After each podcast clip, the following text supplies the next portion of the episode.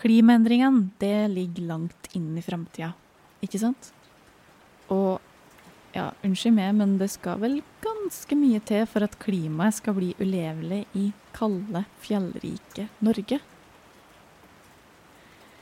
Tja, det var jo det med det regnet, da. Blir det mer og mer regn, og blir det kraftigere regn? Og hvor skal vi i så fall gjerte alt vannet? Vi skal ha værmelding.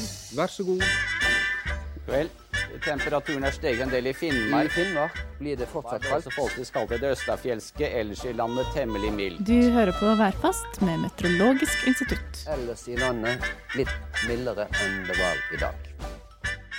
Mitt navn er Hanna Nordlenberg, og som vanlig kan jeg veldig lite om dagens tema. Heldigvis så har jeg med meg Antom Meteorologisk institutt sine mange klimaforskere, nemlig Anita Verpe Dyrdal. Hei, Hanna. Hei, hei. Og så pleier jeg å si at vi har fått storfint besøk, men jeg føler på en måte at denne gangen her så har vi faktisk fått det. Fordi vi har fått besøk av sjefen. Mm, og da tenker jeg ikke på direktøren på Meteorologisk institutt, altså Roar Skålin, selv om han nå er veldig storfin, men han som er Meteorologisk institutt sin øverste sjef, nemlig klima- og miljøminister Sveinung Rotevatn. Takk for det. Takk for invitasjonen. Eh, og det er riktig at jeg er konstitusjonelt ansvarlig for Ja. eh, Meteorologisk institutt. Så hvis dere gjør noe fryktelig galt, så er det altså jeg som må gå av. Ja, det var jo på en måte litt greit å vite, at det ikke er oss som må passe oss. Skal ikke utelukke det også, men eh, det er iallfall jeg som må gå. Mm. Ja. Eh, og det er, jo, det er jo kanskje ikke alle som vet akkurat det, eller tenker over det i det daglige, da, at Meteorologisk institutt er underlagt Klima- og miljødepartementet.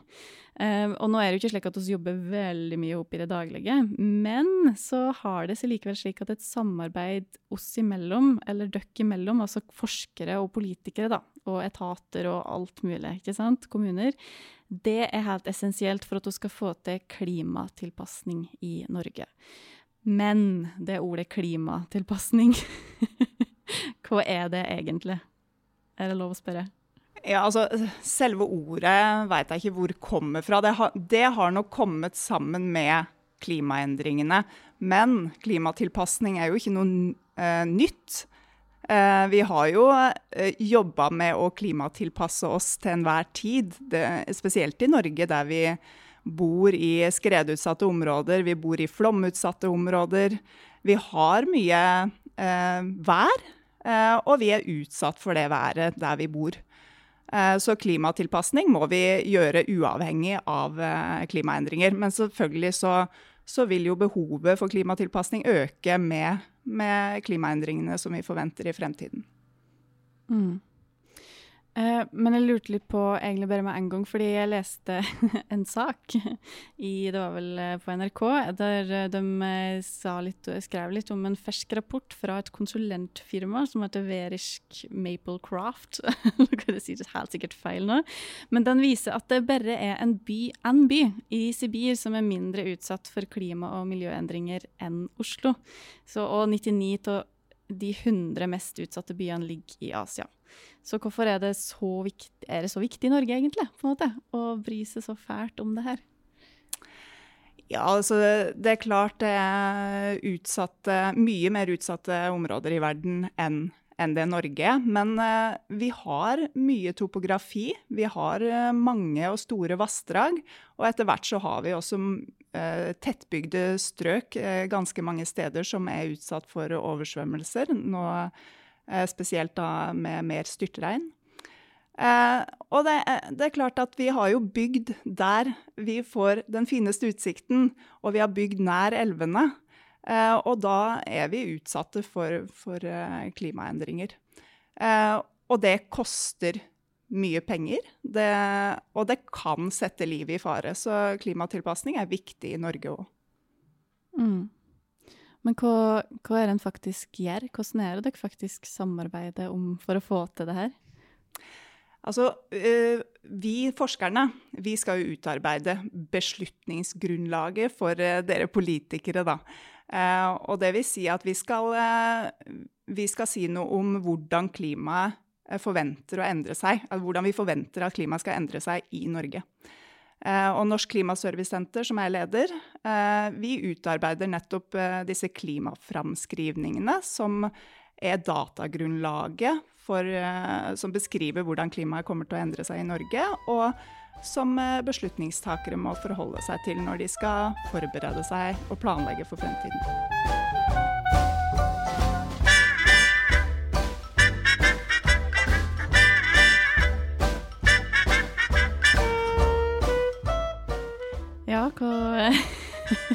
Er det mye å forholde seg til? Det er det sikkert.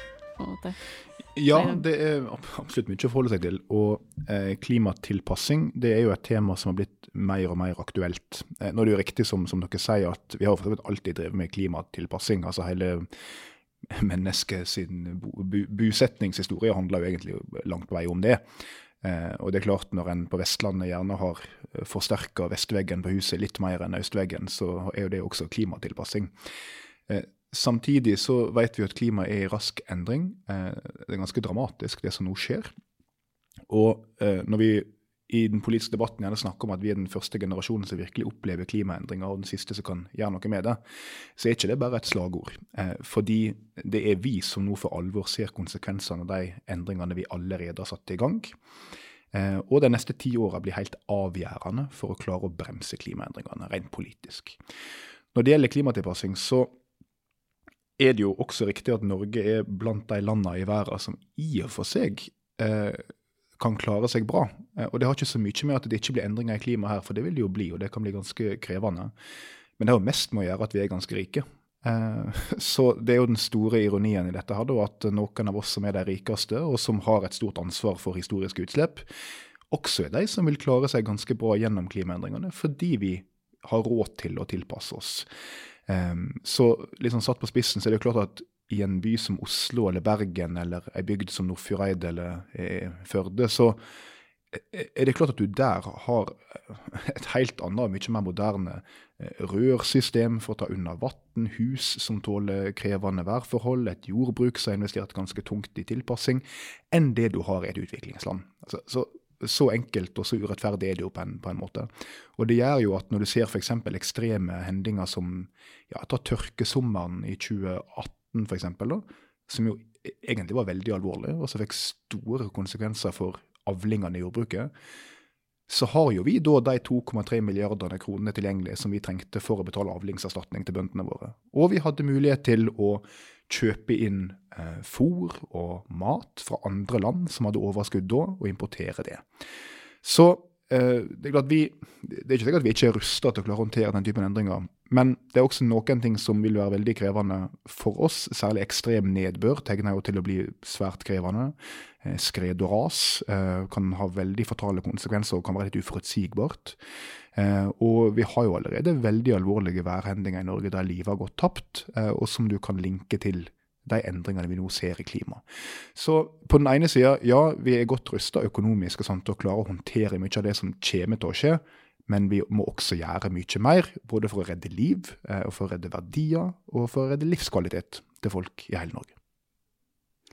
Og så må vi jo huske på at Norge er en del av verden, og det vil jo påvirke Norge hvis vi lever i en svært ustabil verden med, med store konflikter, eh, folkestrømmer pga. Altså at eh, store områder blir ulevelige. Så må jo folk flytte på seg et sted. Og det, sånne ting skaper jo konflikt og ustabilitet i verden, som også vil påvirke oss. Og Det var jo også noe av det som ble framheva som kanskje den største risikoen for Norge med klimaendringer, da vi satte ned det som heter Klimarisikoutvalget. Altså Norge var det første landet i verden som satte ned et sånt utvalg som skulle se på hva risiko medfører klimaendringene for Norge. Eh, og De pekte jo litt på en del av tingene jeg sa i stad, at vi er jo godt rusta på mange områder til å håndtere dette. her. Men særlig globale endringer eh, var en ting de pekte på som en stor risiko for Norge. Både eh, flyktningkriser som en kan få, eh, forstyrrelser i globale matsystem, eh, uro generelt, mer konflikt. Eh, og det er jo en grunn til at eh, f.eks. Eh, denne veka så har det jo vært Nato-toppmøte, eh, og der Nato nå fokuserer mer på eh, den trusselen klimaendringer faktisk utgjør, også sikkerhetsmessig. Så um, ja, det, det, er nok å være bekymra for for alle her, og globalt er det definitivt det. Ja. Det blir jo litt sånn eh, Altså både generelt og akkurat nå når jeg sitter her og hører på alt dere sier som er veldig sant, og som en jo er klar over, så føles det jo veldig eh, litt sånn dumt. Eh, Ikke dumt, men litt vanskelig å skulle sitte her i Norge og bry seg om de utfordringene vi har, når det er så mye som foregår i resten av verden. Men det er jo det som er jobben vår, da, eller jobben deres, og det var jo det jeg hadde tenkt å spørre om. Og som er det vi skal jobbe med, er jo utfordringene i Norge. Og så visste jeg litt sånn åh, nei. det, ja, det er, litt, det er litt tøft, det her. Rett og slett. Ja, altså vi jobber jo, eller vi, altså Norge jobber jo på ulike plan. Eh, og det kan jo Sveinung eh, mye om. Eh, men det er klart at vi eh, norske forskere er jo spesialister på norsk klima. Ja, ja. ja. Eh, men vi har også eh, folk her på Meteorologisk institutt som jobber med globalt klima. eh, Mm. Som utvikler eh, klimamodeller som brukes til å, til å um, se på hvordan klimaet vil endre seg i hele verden. ja, for oss har jo ganske mange samarbeid. Internasjonalt samarbeid. Absolutt. Og vi, er, vi har også mye arbeid innenfor bistand, der vi eh, jobber med utviklingsland for, eh, for å utvikle deres meteorologiske og klimatjenester. Sånn at de også kan forberede seg best mulig på, på det som kommer, og, og på det klimaet de har i dag. Men jeg tror det er viktig å si at i all diskusjon om klima, enten det handler om klimatilpassing eller klimaendringer, så er det veldig fort gjort å bli litt sånn matt når en tar inn over seg det globale perspektivet. Eh, For det er veldig lett når vi snakker om klimatilpassing at du begynner å tenke på ok, havstigning i Bangladesh, ørkenspredning i Middelhavet og flyktningkrise, og hva i all verden skal vi gjøre med det? På samme måte som du kan bli veldig matt av å tenke over at Kina skal åpne så og så mange kålkraftverk de neste åra, og det skjer fint lite på klimafronten i viktige land som Brasil og Russland. Og da kan du tenke, har det noe å si hva vi gjør? Og det er veldig viktig å frigjøre seg fra den tankegangen. fordi at vi må gjøre noe med det vi kan gjøre noe med i Norge. Og det vi kan gjøre noe med i Norge, det er å kutte våre egne utslipp. Og så er det å tilpasse oss de klimaendringene som uansett kommer til å komme. Um, og så er det fine med å gjøre det, er at det bidrar globalt. Så hvis alle tenker sånn, så vil det jo faktisk gå bra. Eh, og det andre er at en kan være med å både inspirere andre og legge press på andre. Det er mye lettere å komme til klimaforhandlinger for eksempel, og be andre om å kutte utslipp hvis du gjør det samme sjøl. Og det er mye lettere å inspirere andre til klimatilpassing hvis du kan vise fram gode løsninger, og at du kanskje har fått ned kostnaden ved å ta dem i bruk. Så eh, jeg er litt opptatt av i sånne diskusjoner at ja, det globale perspektivet er kjempeviktig, men en må ikke la seg eh, sette ut av det. Eh, for det må, dette er for alvorlig til å la, la seg bli satt ut. Eh, vi er nødt til å gjøre det vi kan gjøre noe med. Eh, og i Norge kan vi gjøre ganske mye. Det var godt å høre, og fint eh, sagt, og nå ble jeg litt beroliga. Det er bra. Men hvis vi skal gå, gå inn på Norge, da, så er jo det med ekstremnedbør og styrtregn en av de største utfordringene vi har. Eh, og da er det jo veldig flaks at hun sitter her nå med en eh, aldri så liten styrtregnekspert. Kan jeg kalle det det? Litt? Ja, det er greit for i dag. ja. Kan du forklare litt, Anita, hva er egentlig styrtregn? Altså det, den, eh, det ordet styrtregn det tror jeg var media som fant opp for noen år siden. Men vi har liksom adoptert det, for det er et godt ord. Eh, altså det er mye regn som kommer på kort tid. Intens nedbør som, eh, som kommer gjerne etter en eh, varm sommerdag, eh, der det har bygd seg opp byger. Og så høljer det ned da, gjerne bare noen få minutter eller, eller et par timer maks. Eh, og sånne hendelser er uforutsigbare, de er vanskelig å varsle. Vi bruker å sammenligne det med at vi eh, koker vann i en kjele, og vi vet at boblene kommer, men vi, det er helt umulig å forutsi når og hvor den første boblen skal dukke opp. Så sånn er det også med byger. Eh, de kommer plutselig, og de kan komme med såpass mye vann på kort tid at systemene våre, rørsystemene i byene f.eks., ikke har mulighet til å ta det unna. Eh, og siden vi har bygd byene våre på den måten at vi har eh, lagt elver og bekker i rør, som jo er liksom de, det, det, naturlige stedet som vannet ville, ville kommet eh, tidligere, før, før, det ble lagt i rør, da, så har vi jo skapt oss et lite problem. Fordi at disse tette flatene i byene våre, de, de klarer ikke å ta unna vannet. Og da samler vannet seg opp og, og skaper oversvømmelser. Ja, ikke sant. Fordi, men det, det blir gjort noe med nå, eller? Fordi når jeg går Ja, på altså, det- Ensjø, så er det noen bekker som er lagt ut der. som Ja, liksom Oslo har jo vært veldig gode på det, og de har hatt en plan på det ganske lenge. Eh, Det starta vel eh, rundt 1990 at de eh, snudde den tankegangen med å legge bekker og elver i rør. Eh, Nettopp fordi at de, de så at eh, for det første så er det jo vakkert i bybildet med litt vann. Eh, Og for det andre så har det en viktig funksjon for å ta unna det mest ekstreme regnet. Det, men, men fordi det er en konsekvens i byer, på en måte, men hva, er det, hva slags andre konsekvenser Altså De eh, største konsekvensene, de mest alvorlige kanskje for, eh, for menneskeliv, det er jo disse jordskredene som kan komme, som blir utløst av, eh, av kraftig nedbør. og Det så vi f.eks. i Jølster i 2019. Eh, og vi har sett mange eksempler på at jord har ha, altså jordskred som har skapt utfordringer for veier og jernbane, både ved at eh, de har blitt eh, stengt eh, pga. jord over veien og steiner. Eh, men også at vi har sett jernbanelinjer hengende i løse lufta fordi jorda under har forsvunnet. Så det gir mye skade på infrastrukturen vår, og det kan i verste fall da være Altså ta liv, i verste fall. Mm. Mm. Men eh, det blir litt sånn Det er veldig mye En ting er sånn infrastruktur og jernbane, det er jo noen som har ansvar for det. Men hvor, kan, hvor mange føringer kan på en måte legge nasjonalt for klimatilpasning? og for å liksom, Er det ikke kommunen som har ansvar for hvordan det bygges, og liksom deretter utbyggerne? og Jeg skjønner ikke alt det her. Nei, men du har nå skjønt det ganske godt, egentlig. Ja, Fordi okay. jo, kommunene har absolutt et eh, betydelig ansvar her. Og det er jo av og til lett å tenke i Norge at staten bestemmer alt, men akkurat når det gjelder arealpolitikk, eh, hvem skal bo hvor, hvordan skal en bygge, så bestemmer kommunene våre veldig mye. Eh, Så skal det jo sies at vi har en del føringer fra nasjonalt nivå, og f.eks. NVE driver jo kartlegging av ulike eh, skredutsatte områder. Eh, og, så vi har jo noen mekanismer her, både for å gi kommunene gode råd, og av og til for å si hvor det ikke er lov å bygge. Men i utgangspunktet bestemmer kommunene det eh, sjøl. Og noen kommuner er veldig flinke til å tenke over disse tingene. Eh, noen har nok en litt annen mentalitet, men jeg oppfatter jo at det har blitt mer bevissthet rundt det her de siste åra. Og det er jo ikke minst pga. at vi har sett noen veldig alvorlige situasjoner. Eh, Jølster her ble jo nevnt, i 2019. Det husker jeg veldig godt, fordi at da var jeg statssekretær i Klima- og miljødepartementet. Og vi var to statssekretærer. Han andre heter Atle Hamar, eh, og han bor i Jølster. Eh, og han var hjemme da. Og så husker jeg vi så på nyhetene at det var eh, nyhetsmeldinger om et svært alvorlig skred i Jølster. Biler skulle være tatt. Så husker jeg vi forsøkte å ringe Atle og finne ut hva hva skjer. For jeg visste at han bodde like ved, der jeg så at det skredet var på bildene som kom. Og så fikk ikke vi tak i han. Eh, og det gikk mange timer før vi fikk tak i han. Eh, og det vi skjønte etter hvert var at grunnen til at vi ikke fikk tak i det var at han var jo midt oppe i evakueringsarbeidet. Og brukte båten sin til å evakuere folk som bodde skredutsatt til langs vannet. Og det var en, det var en skikkelig naturkatastrofe.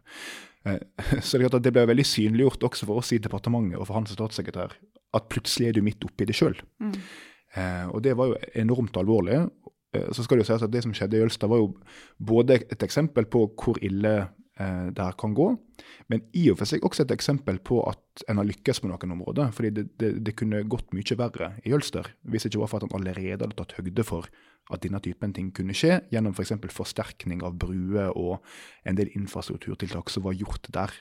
Så, um, det, men det var nok en tankevekker for mange. Eh, og forhåpentligvis også noe som kan inspirere kommunene til enda mer innsats, planlegging, kartlegging og godt beredskapsarbeid hvis, hvis ulykka først er ute. Men hva kan, hva kan dere gjøre på en måte nasjonalt, da? Eh, mange forskjellige ting. Vi kan f.eks. Uh, være gode på farevarsling. Det er viktig i seg selv. Der har jo Meteorologisk institutt og NVE en nøkkelrolle å spille. Men det handler også om hva vi som politikere gjør med tanke på investeringer. Altså for så har vi jo nå sagt at uh, vi skal bygge en ny værradar på Finnmarksvidda, som vi løyver midler til i budsjettet for i år. Eh, og det er jo helt nødvendig, fordi det var en av de litt sånn svarte flekkene på norgeskartet. Ikke den forstand at du ikke har eh, overvåkning der, men du hadde ikke en god nok værradar som kunne dekke så å si minutt for minutt utviklingene en ser Eh, Og det er veldig viktig når du skal varsle ekstremvær, for det kan skje veldig fort. Eh, Så det er ett eksempel på noe som vil gi mye bedre beredskap mot styrtregn i, ja, i Alta f.eks., som, som er en stor eh, by i Finnmark. Eh, Så den typen ting er viktige. Litt det jeg snakka om i stad, om liksom føringer rundt bygg og hvor en bygger. Skredkartlegging er veldig viktig. Det har skapt litt frustrasjon faktisk ute i Norge nå at en driver og holder på med det, for det er jo veldig mange som har lyst til å bygge nær sagt overalt og lage nye boligfelt i bygder som ønsker vekst og sånt. Og så må de vente på at NVE skal kartlegge for å se om det er trygt nok. Men jeg tror jo at det er bra at en gjør det, eh, for å være sikre. Eh, og en siste ting jeg kan nevne, er jo kanskje det som eh, vi har vært litt inne på eh, her, eh, og, som, eh, og som dere snakket om i stad, nemlig overvannshåndtering. Altså hva gjør du når røra våre flommer over, og det er fullt. Um, og der uh, har han heldigvis begynt å tenke litt nytt, uh, og ikke bare hele tida skal liksom dimensjonere røra for ekstrem nedbør, det er ganske vanskelig å gjøre, men tenke mer åpne løsninger. Enten det handler om eh, eh, om regnbed, eller det handler om eh, basseng, eller det handler om grønne tak. Eller det som kan være med både si, mellomlagre ekstrem nedbør, suge det opp, eh, og, og ivareta den typen beredskap. Så, eh, så overvannshåndtering er jo noe som vi må jobbe mye med framover. Det som er litt krevende med det her, er jo at eh, det er jo kommunene som også har ansvar for vann og avløp. Uh, og det er stort sett gjort etter selvkostprinsippet rundt omkring, nemlig at du betaler et vann- og avløpsgebyr, som de fleste jo kjenner godt til. Eh, og som en del kommunepolitikere vi får vel si, vegrer seg litt for å sette altfor høyt. Eh, for det er jo ikke så populært. Men realiteten er at det er et etterslep i veldig mange kommuner på å fornye vann- og avløpssystemer. Det er for mye som er for gammelt og for dårlig. Eh, og da kommer nok ikke unna at du må gjøre noen investeringer, altså, selv om det kan være litt upopulært i, før et valg, f.eks. Jeg vil også legge til én ting på den lista di over tiltak i byer og tettbygde strøk, og det er jo trygge flomveier. Eh, For disse tiltakene med grønne bed og med basseng og sånn, det, det er jo på en måte fram til det virkelig ekstreme kommer. Og når det kommer, så må vi òg ha en, en plan for hvor vannet skal renne trygt ned til f.eks. Oslofjorden. da. Eh, og da det jo, snakkes det jo mye om å bruke veiene våre til det. At vi de, dedikerer på en måte én vei til vannet når det virkelig høljer ned. Og da må biler og, og andre eh, kjøre et annet sted. Så må vi jo selvfølgelig da samtidig passe på at det fins veier, eh, trygge veier til sykehus og til viktige, til viktige punkter i byen.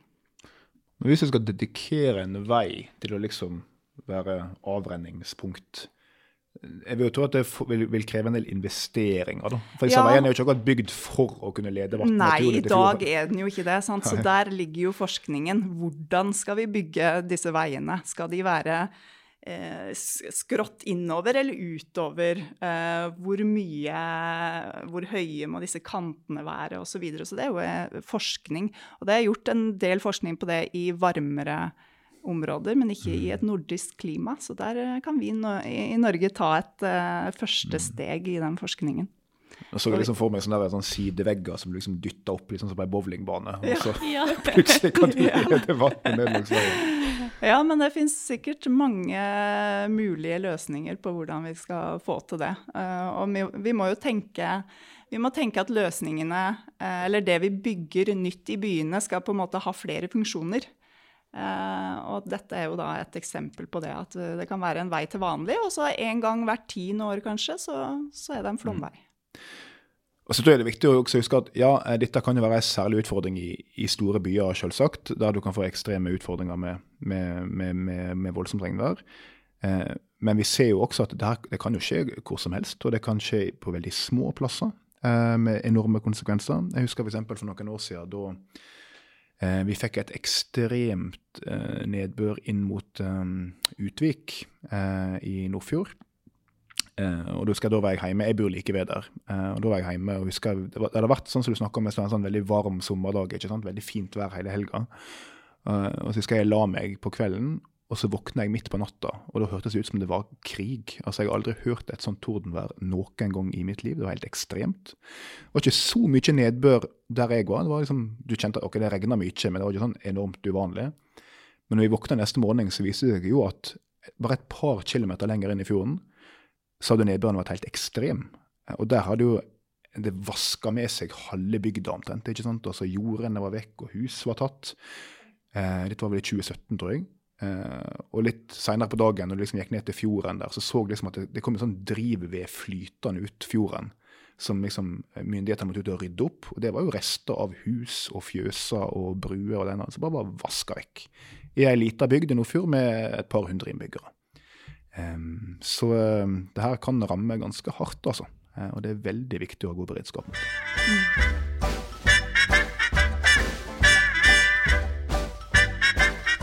Men jeg, nå er det litt ledende spørsmål, men det, det blir mer og mer, eller? Er, Ja, nå, nå er vi jo litt tilbake til noe vi har snakka om i en tidligere podkastepisode, om eh, forskjellen mellom vær og klima.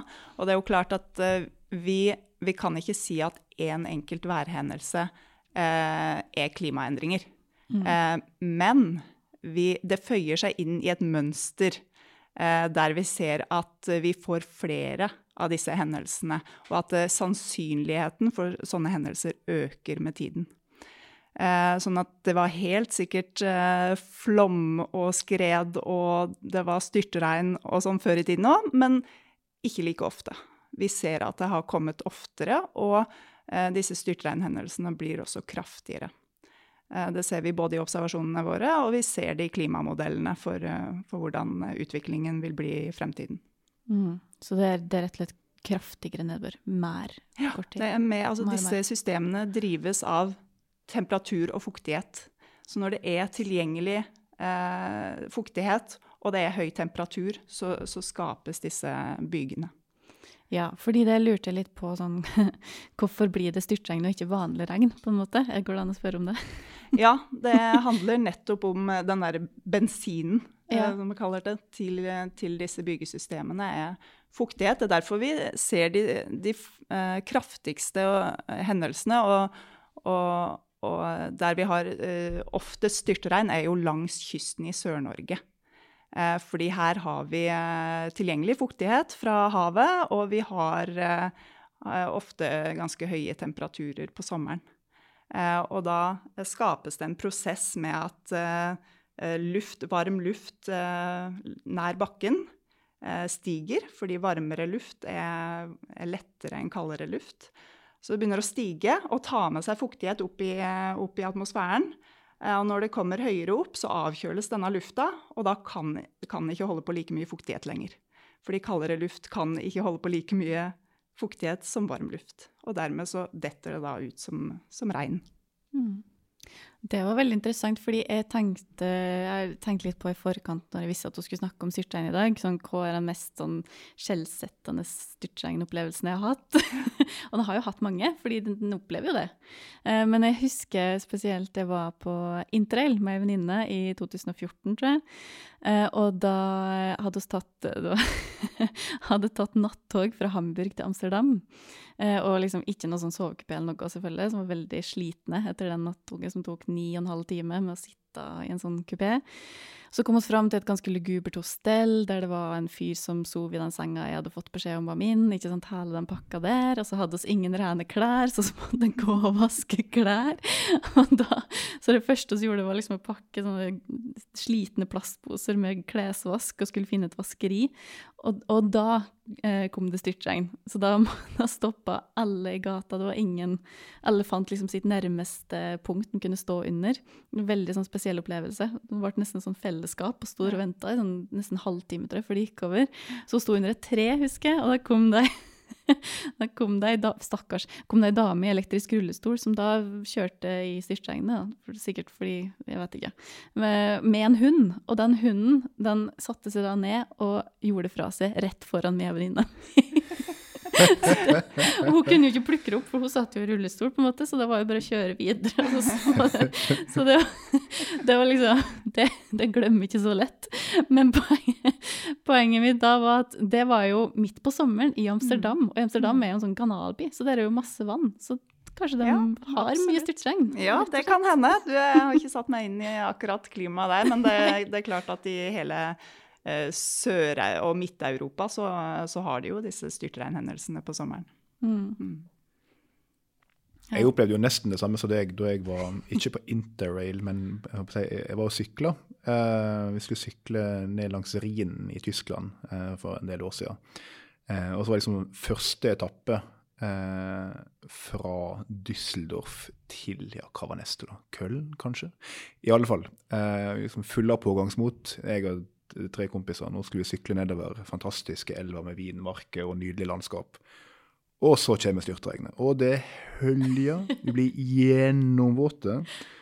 Så kommer vi til et hostell ikke sant? i denne byen vi skal til.